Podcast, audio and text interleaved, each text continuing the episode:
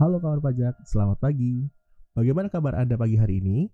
Saya Beste dari lantai 3 Ruang Perpustakaan Direktorat Jenderal Pajak akan menemani Anda dalam beberapa menit ke depan dengan kajian berita yang hangat, seru, dan teraktual dari dunia pajak. Di mana lagi kalau bukan di podcast Pamorku. Kawan pajak, inilah berita utama Pamorku pada pagi hari ini. Halo pemirsa, jumpa lagi dengan saya Beste dalam highlight berita mingguan periode 31 Juli sampai 7 Agustus 2020. Banyaknya berita pada periode tersebut adalah 390 berita dengan peak terjadi di tanggal 6 Agustus 2020. Tidak ada berita negatif pada minggu ini.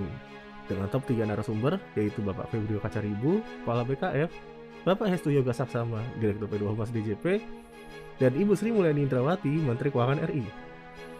Bahasan utama pada periode ini adalah satu mengenai diskon PPh pasal 25 yang akan dinaikkan lagi menjadi 50%.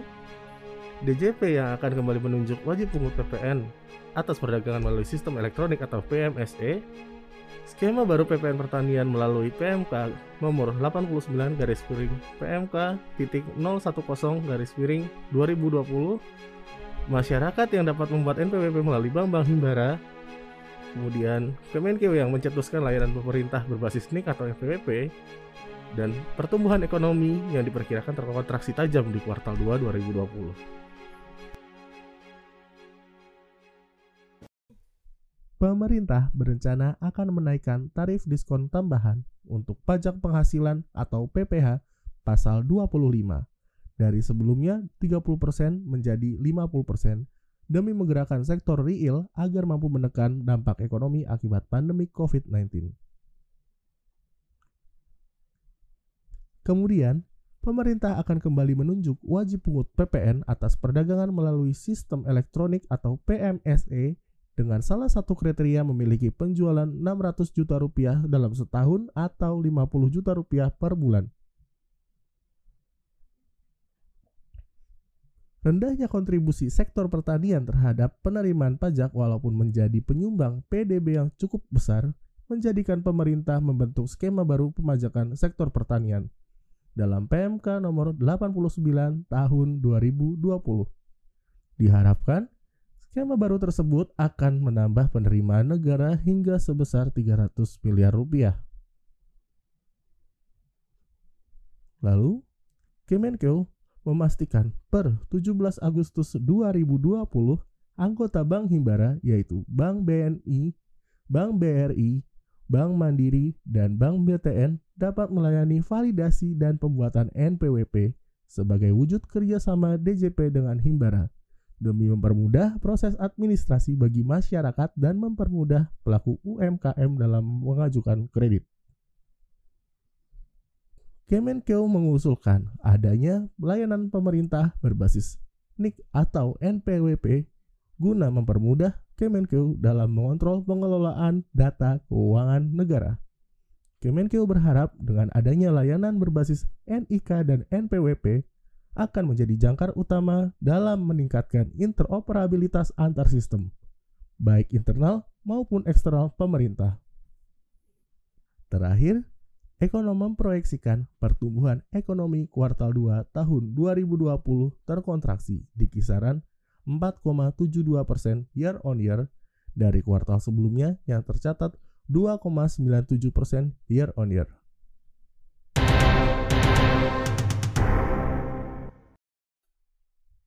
Baik, hari ini kita akan berbincang dengan narasumber dari Direktorat P2 Humas, yaitu Bapak Riza Alman Faluti. Bapak, Selamat ya, pagi Bapak. Selamat pagi.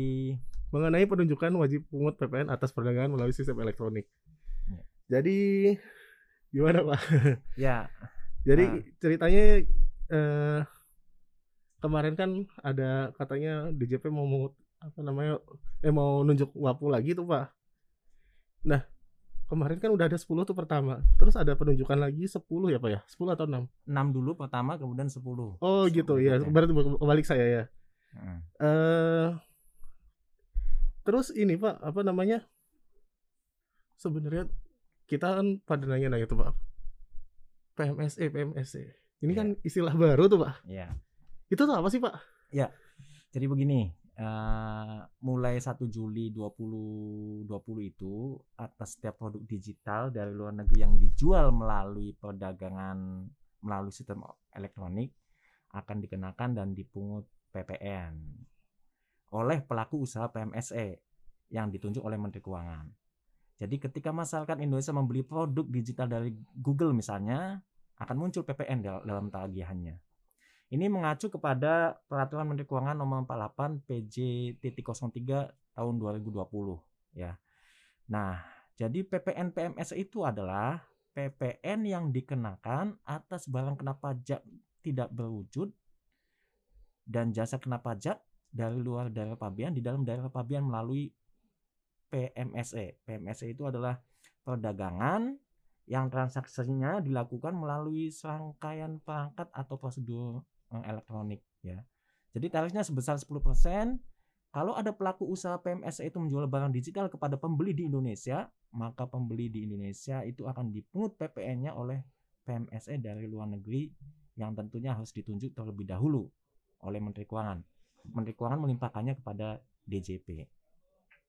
Gitu ya Pak. Eh, Iya. Kalau misalnya berarti gampangnya tuh gini ya Pak. Eh, kayak kalau kita beli barang-barang selama ini nggak kelihatan ya ibarat kata Hmm. digital ya. Kayak Hmm. misalnya saya beli eh beli game gitu ya Hmm. mungkin ya atau beli servis-servis dari Google kan biasanya kita ada tuh yang kayak email-email gitu. Berarti itu Iya. sekarang ada PPN. Eh sekarang di ini PPN ya Pak ya. Dari Google betul. bisa mungut ya Pak ya. Betul, betul. Jadi misalnya nih kalau kita mau beli apa tuh namanya tuh eh, tempat penyimpanannya. Iya. Nah, kita nanti akan kena dipungut PPN-nya. Oke. gitu.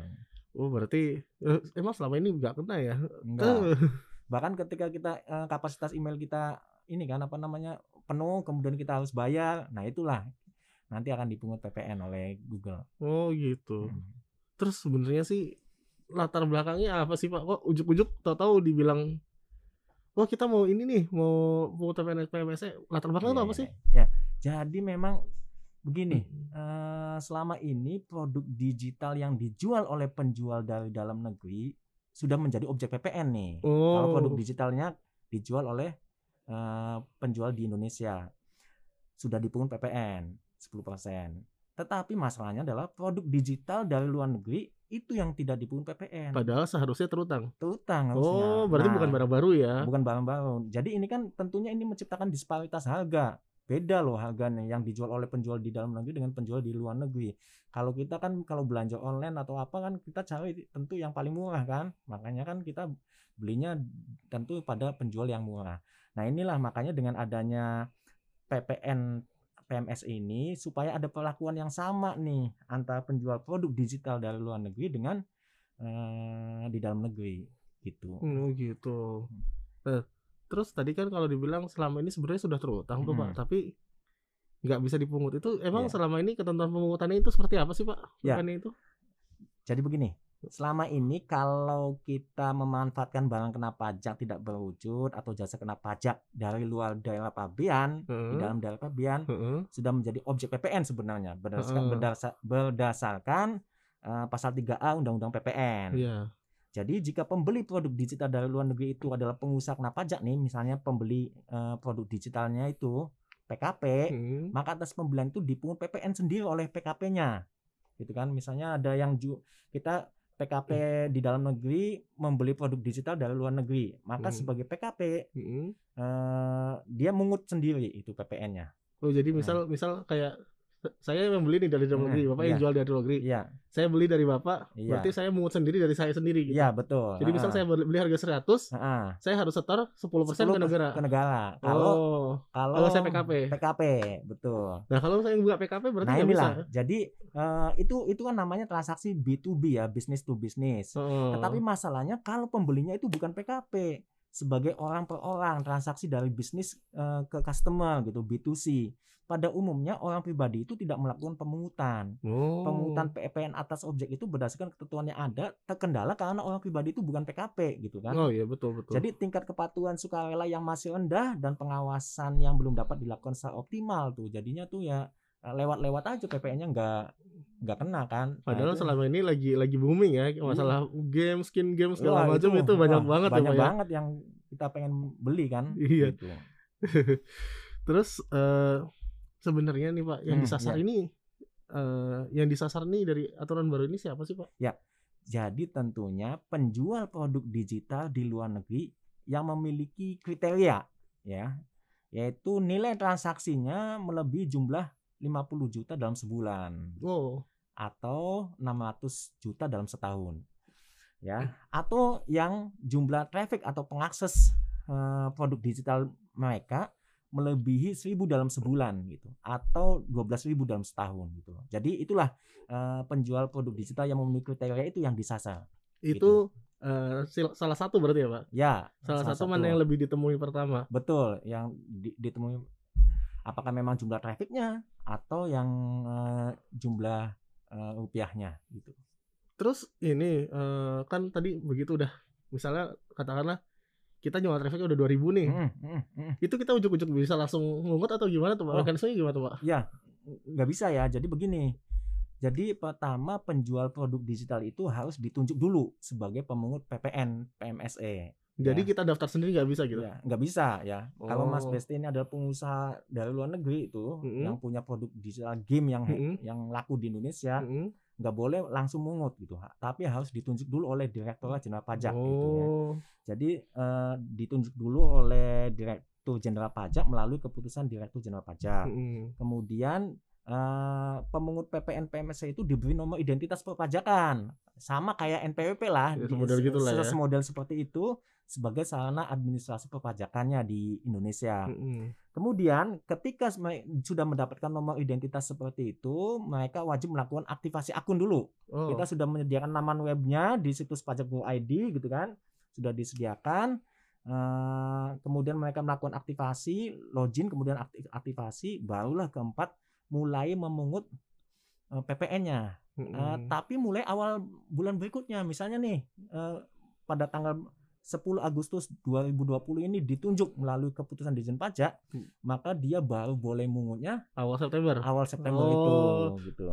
Tapi nggak nggak maksudnya kalau misalnya ditunjuknya tengah bulan akhir bulan tetap awal bulan. Tetap awal-awal bulan berikutnya. Oh. Kemudian nih eh apa namanya? Jika ada pembelian, maka pemungut PPN PP, PPN PMS itu membuat apa ya sem- semacam faktur atau invoice, billing gitu, order receipt, gitu atas dokumen sejenis gitu atau dokumen sejenis ya menyebutkan adanya PPN dan telah dilakukan pembayaran itu. Itu harus dicantumkan di situ. Iya betul. Nah Kayak jadi faktur ya berarti ya Pak ya. betul ya itu di, kita anggap kita sebagai sebagai, sebagai faktur faktur, pajak juga. gitu kan. Oh. Kemudian nah setelah pemungut PPS itu memungut PPN wajib setor tuh PPN-nya ya enggak? Hmm. Wajib menyetorkan PPN-nya setiap bulan. Setiap bulan. Setiap bulan Di, jadi di bulan yang sama atau eh, sesuai aturan PPN jadi- kita akhir jadi bulan nih, berikutnya ya Pak. eh, misalnya eh, ada produk digital ditunjuk pada tanggal 10 Agustus. Heeh. Dia Kan mulai menget 1 bu- September nih. Yes. Maka dia menyetorkan eh, PPN yang dipungut selama masa pajak September itu paling lambat 31 Oktobernya. Oh, Gitu, iya iya. ya. Berarti sama kayak PPN biasa Kayak ya. PPN biasa. Sebenarnya sebenarnya secara aturannya sama cuman ini mekanisme pengurutannya aja Betul, ya, iya. betul. Kemudian eh, ketika wajib pajak itu sudah menyetor, dia juga punya kewajiban untuk melaporkan eh, PPN PMSE. Periodenya berapa? Bukan bulanan kayak biasa bukan, tapi triwulanan ya. Oh, jadi dua kali ya, Pak ya Iya. lapornya ya. Eh, lapornya triwulanan, tiga bulanan. Oh, enggak, maksudnya jadi ada dua jenis laporan dia Iya. harus lapor ya, Pak ya. Oh ya, kan dia setor, Heeh. Kemudian Oh. eh, setor kan pakai bank. Oh, kita jadi nggak nggak kayak SPT masa tiap bulan lapor ya dia berarti ya. Enggak, enggak, Oh. enggak, enggak, enggak SPT masa. Dia itu ya cukup eh, tiga bulanan. Oh, gitu. tiga bulanan ya ketiga bulanan kapan paling lambat ya akhir bulan eh, setelah berakhirnya periode triwulanan itu Jadi misalnya misal tadi September, Oktober, November, Nah, Desember. Desember ya Oke. 31 Desember paling lambat kemudian setelah dia eh, melaporkan triwulanan ada juga nih laporan tahunan tapi itu kalau diminta oleh DJP Oh. itu sih mekanismenya seperti itu ya kita berusaha untuk DJP memberikan kemudahan makanya pembayaran pelaporan juga dimudahin melalui sistem Biar nggak ada nggak ada ini ya, nggak ada al- alasan ribet nih mau ini pajak Iya. gitu ya. soalnya gini apa namanya PPN digital ini sebenarnya sudah hal yang biasa dilakukan oleh negara-negara lain gitu kan Oh. bahkan Indonesia sebenarnya rada-rada terlambat karena dari negara-negara lain sudah melakukannya sejak tahun-tahun Iya 2000 sih, ya. 2013 gitu. Memang di zaman digital namanya. Ya, betul. Terus eh, kira-kira nih Pak, Iya. eh, penerimaan PWN PMS ini ke depannya akan gimana nih Pak? Akan makin Iya, kenceng iya. atau? Ya, optimis lah kita. Karena apa? Karena memang masih banyak pelaku eh, usaha PMSC ini yang belum ditunjuk ya. Kita eh, selalu eh, apa namanya mengadakan one on one meeting ketik dengan para pelaku usaha PMSC itu sebelum mereka ditunjuk supaya mereka mengerti terlebih dahulu gitu loh. Dan itu baru sedikit. Nah, sedangkan eh, pelaku usaha PMS itu banyak banget. Dan itu pun eh, apalagi dibandingkan dengan besarnya skala ekonomi atas transaksi digital di Indonesia luar biasa. Sekarang Jadi, kita lagi shifting pula ya Pak ya. Nah, iya, jadi ya memang betul artinya kita optimis lah kalau penerimaan PPN PMS ini semakin lama semakin meningkat. Itu aja sih. Oke, berarti be- sepertinya bisa diharapkan lah ya Pak ya penerimaan kita dari PPN PMS ya, ini semoga. semoga jadi supaya kita nggak terlalu apa namanya nggak terlalu titik berat sama PPH badan ya ya. Ya, betul. Oke baik Pak, terima Hmm. kasih Bapak Riza Ahmad Faluti sudah hadir di sini. Iya, kasih. Eh, jangan bosan-bosan kalau kita tanya-tanya lagi ya Pak ya. Siap. Baik pemirsa, eh, edisi kali ini cukup sampai di sini. Terima kasih sudah menyaksikan. Sampai jumpa lagi minggu depan dengan saya Muhammad Pusari. Sampai jumpa.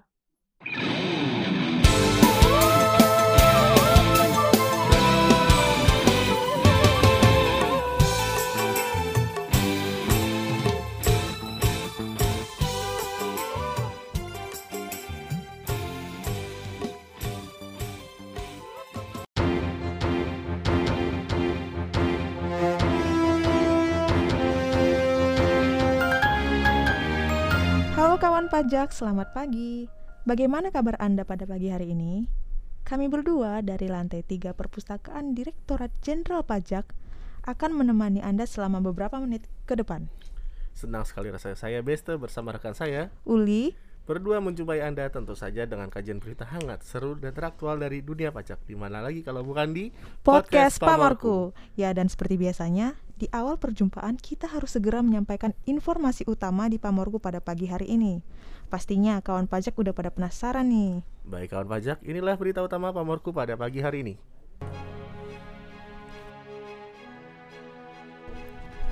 Pamorku periode 8 sampai dengan 14 Agustus 2020 terdiri dari total 295 berita dengan peak terjadi di tanggal 10 Agustus 2020. Tidak ada berita negatif pada minggu ini dengan top 3 narasumber Bapak Suryo Tomo, Direktur Jenderal Pajak, Bapak Hestu Yogya Saksama, Direktur P2 Humas DJP, dan Ibu Sri Mulyani Indrawati, Menteri Keuangan Republik Indonesia. Bahasan utama pada periode ini adalah 1. DJP yang menunjuk 10 wajib pungut PPN atas perdagangan melalui sistem elektronik atau PMSE 2. Realisasi anggaran pemulihan ekonomi nasional atau PEN dalam bentuk dukungan bagi UMKM sebesar 26,4% dari yang dianggarkan. 3. DJP yang tanda tangani nota kesepahaman tentang integrasi data perpajakan bersama PT Telkom Indonesia 4. DJP dan DJPC yang melelang mobil sitaan 5. DJP yang menangkap pelaku kecurangan pembayaran PPN dan Berita terakhir, target penerimaan pajak 2020 yang diturunkan menjadi 1.199 triliun rupiah. DJP menunjuk 10 perusahaan global tambahan yang dianggap telah memenuhi kriteria sebagai pemungut PPN atas barang dan jasa digital yang dijual kepada pelanggan di Indonesia. Di samping itu, DJP juga berharap pada seluruh perusahaan yang telah memenuhi kriteria agar dapat mengambil inisiatif dan menginformasikan kepada DJP supaya proses persiapan penunjukan dapat segera dilaksanakan. Kemenkyu mencatat, realisasi dukungan stimulus bagi UMKM mencapai 26,3 persen. Menteri Keuangan mengaku akan mengevaluasi pencapaian angka tersebut dengan berbagai upaya antara lain melakukan perluasan dana di luar Bank Himbara, mendorong lembaga penyalur subsidi bunga untuk segera menyampaikan tagihan, sosialisasi, dan pendampingan lembaga penyalur subsidi bunga. Pemerintah saat ini juga sedang merencanakan program bantuan sosial bagi 12 juta UMKM, serta program pinjaman tanpa bunga bagi rumah tangga pemilik usaha. Kemudian PT Telekomunikasi Indonesia atau Telkom bekerja sama dengan Direktorat Jenderal Pajak dalam hal integrasi data perpajakan untuk memudahkan DJP dalam mengetahui profil wajib pajak melalui big data yang lebih komprehensif serta data analitik dan bisnis intelijen yang semakin up to date. Kerjasama ini merupakan kelanjutan dari program integrasi data perpajakan yang telah diimplementasikan melalui e-faktur host to host sejak 1 Desember 2018. Berita berikutnya, DJP bakal kembali melelang mobil hasil sitaan dari wajib pajak pada Agustus 2020 dengan harga limit objek lelang mulai 25 juta rupiah hingga 126 juta rupiah yang terdiri dari Nissan Lazio dengan nilai limit seharga 25 juta rupiah dan uang jaminan 12,5 juta rupiah. Kemudian Nissan Grand Livina dengan nilai limit seharga 60 juta rupiah serta Honda City dengan nilai limit seharga 126,6 juta rupiah dan uang jaminan sebesar 27 juta rupiah. Selanjutnya, DJP berhasil memenangkan kasus pidana perpajakan melawan wajib pajak berinisial RW, seorang direktur operasional PT DC yang terbukti bersalah menggunakan faktur pajak tidak sah untuk mengurangi jumlah PP terutang yang harus disetorkan. Tindakan pidana tersebut dilakukan pada kurun waktu 2010 hingga 2012. Atas tindakannya, Hakim Pengadilan Negeri Jakarta Selatan menghukum RW dengan denda 20,5 miliar rupiah dengan subsidiar kurungan 6 bulan penjara. Berita terakhir, DJP sebut tingginya dinamika dan tekanan yang dialami oleh ekonomi telah berimbas langsung pada penerimaan pajak negara. Sehingga pemerintah melakukan revisi yang lebih realistis terhadap target pajak – yaitu menjadi 1.199 triliun rupiah lewat Perpres 72 tahun 2020 dari yang sebelumnya sebesar 1.642 triliun rupiah. Ya, seperti biasa di segmen terakhir ini sesuai dengan tujuan kita yaitu menyajikan berita yang hangat, teraktual dan terpercaya, kita akan mengundang salah satu narasumber dari DJP. Narasumbernya pada hari ini yaitu Bapak Ikhwanuddin, Kepala Seksi Kemitraan Wajib Pajak Subdirektorat Kerjasama dan Kemitraan. Iya, selamat. Selamat siang, siang Bapak. Bapak. Selamat siang. Gimana Pak kabarnya Pak? Baik baik. Iya, ya, kita tadi mau nanyain Pak Iwan tentang apa nih? Iya, jadi kan uh, kita baru saja melakukan ini ya nota kesepahaman dengan not, dengan PT Telkom uh. terkait dengan integrasi data perpajakan. Iya. Nah, kita mau tahu nih Pak mengenai kerjasama dengan Telkom DJP ini apa sih yang dilakukan dalam kerjasama ini Pak? Baik, yang dilakukan dalam kerjasama ini kita akan melakukan yang pertama pertukaran data perpajakan. Mm -hmm yang kedua, pengolahan data perpajakan. Uh -uh. Yang ketiga, penelitian dan penyampaian hasil pengujian data perpajakan. Dan yang terakhir, kita akan melakukan pengembangan sarana administrasi perpajakan berbasis teknologi informasi. Oh, gitu. canggih ya. Iya. Zaman sekarang kayaknya sekarang serba computerized gitu uh, ya. Jadi kayak kalau ini penting nih pertukaran data kayak gini. Iya dong, pastinya. Ngomong-ngomong nih, Pak, uh, kan nggak mungkin ujuk-ujuk gitu ya tahu-tahu DJP tiba-tiba uh, ya, telkom ya, ya. sama uh, dong gitu latar belakangnya itu apa sih pak iya. ya yang menjadi latar belakang tentunya kita uh, melihat masih sangat rendahnya kepatuhan di Direktorat Jenderal oh. Pajak dan tentunya masih tingginya cost of compliance dalam rangka pemenuhan kewajiban perpajakan dan belum adanya integrasi data perpajakan melalui sarana berbasis teknologi informasi. Oh gitu. Hmm.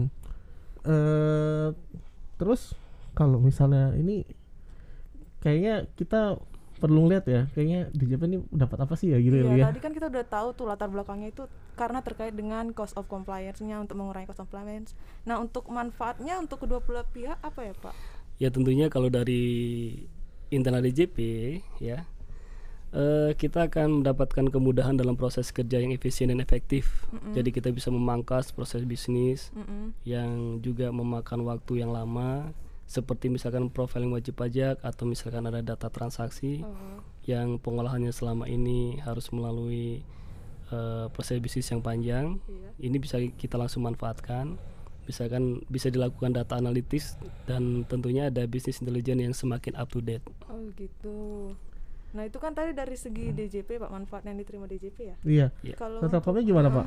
Kalau dari Telkom tentunya dia eh, cost of company akan menjadi rendah Mm-mm. karena selama ini prosesnya tadi sangat panjang bisa kita lakukan pemangkasan dan data bisa kita lakukan eh, eksekusi langsung. Heeh.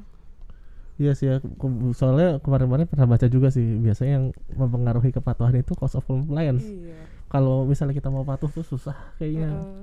Berarti terobosan bagus nih berarti ya. Iya tentulah. Terus eh, prospeknya gimana tuh Pak ke depan Pak? Apa mau mau apa dilanjutin? Apakah ada jangka waktunya sekian tahun atau selamanya? Atau mau diperluas?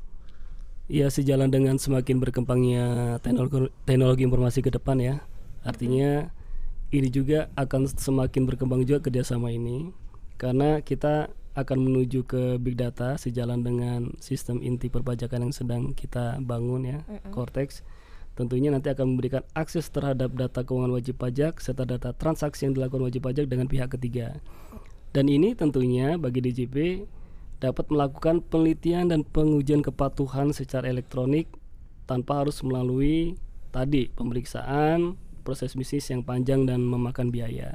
Oh gitu. Eh, kalau boleh tahu Pak jenis-jenis kerjasama apa aja sih yang udah dilakukan oleh DJP Pak sejauh Ya selain ini? selain selain Telkom ini kan kan ini kan ada pertukaran data nih. T- Tapi selain itu ada kerjasama apa lagi sih Pak yang dilakukan DJP? DJP banyak melakukan kerjasama. eh, salah satu contohnya adalah misalkan pertukaran data dan informasi seperti dengan Telkom tadi ya, dengan BUMN, bank, eh, iktp dan lain-lain sebagainya. Lalu ada pengamanan penerimaan pajak, misalkan dengan Polri, TNI, Kejaksaan. Lalu ada sosialisasi perpajakan terkait dengan edukasi, Mm-mm. inklusi perpajakan ya dengan pihak tax center, asosiasi perguruan tinggi, sekolah kita kenal pajak bertutur ya. Kita kenal dengan eh, inklusi perpajakan dan sebagainya yang kita masukkan ke dalam kurikulum eh, pelajaran. Dan terakhir tentunya masih sangat luas ya ada pemanfaatan teknologi, kajian perpajakan, ya jurnal perpajakan, intelijen, perpajakan internasional, tentunya dalam hal pengembangan aplikasi. DJP sangat terbuka dan terus eh, kita mengembangkan teknologi informasi kita untuk menghadapi tantangan zaman. Salah satunya dengan terus bekerja sama dengan pihak-pihak eksternal agar kita tidak ketinggalan tentunya Iya. supaya kita bisa up to date. Ya dong kan kadang kan semuanya kan udah serba digital ya nggak mungkin dong DJP bakal terus pakai cara manual terus ngumpulin data-data Capek lah. Iya. Orang sekarang aja laporan keuangan udah digital ya, Iya. Udah nggak pakai bukan ledger suatu lagi. keniscayaan nanti lapor SPT itu hanya konfirmasi saja. Iya. Bisa ya, jadi bener jadi ya. bukan dilaporkan tapi apakah anda pernah menerima penghasilan ini apakah anda pernah beli rumah ini Tapi kan udah udah model gitu juga ya. Kemarin isi SPT kan ada pre-populated Iya, gitu ya. iya. Itu dari situ berarti Pak jangan-jangan ya Pak ya. nanti ke depannya kita harus secara otomatisasi data itu memang Iya. tidak terbantahkan sehingga mengurangi sengketa terhadap wajib pajak. Wis, mantep lah. Berarti kasus-kasus kita kerugian negara bisa kurang dong Pak, bisa hilang ya Pak ya. Iya. Oke, mantep banget. Nah ini kan tadi kita berarti kerjasamanya ini berarti eh, sangat menguntungkan ya untuk berikutnya eh, diharapkan bakal ada kerjasama yang lebih lagi dengan pihak lain ya Pak ya. Oh iya, Nah. ya. Terima kasih Pak udah meluangkan waktunya. Ya, sebab terima Sama-sama. kasih. Iya, terima kasih. Jangan bosan-bosan kalau kita tanya-tanya lagi Pak. Siap. Sampai ketemu lagi juga ya. Ya, tetap Pak. optimis, semangat dan jaga kesehatan. Eh, Siap. siap Pak itu Siap. pasti harus jaga kesehatan. Demikianlah podcast Pamorku kali ini Saya Beste dan saya Uli. beserta rekan-rekan yang bertugas pamit undur diri. Sampai, jumpa, di episode selanjutnya.